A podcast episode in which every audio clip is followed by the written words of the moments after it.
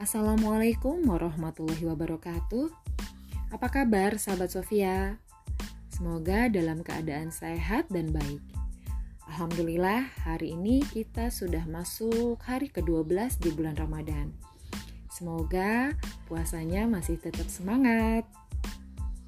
Oh ya, semua pasti setuju kalau bulan Ramadan adalah bulan berlimpahnya kebaikan.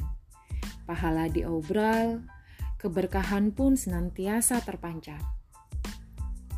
Allah begitu baiknya kepada kita hingga dibuatlah waktu khusus selama satu bulan untuk menggembleng kita, untuk mentraining kita.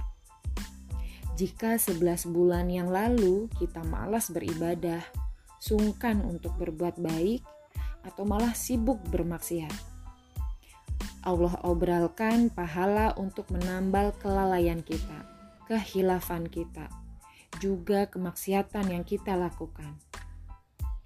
Semestinya kita antusias untuk meraih pahala, promo-promo pahala dari Allah. Jangan promo jilbab aja yang kita pantengin.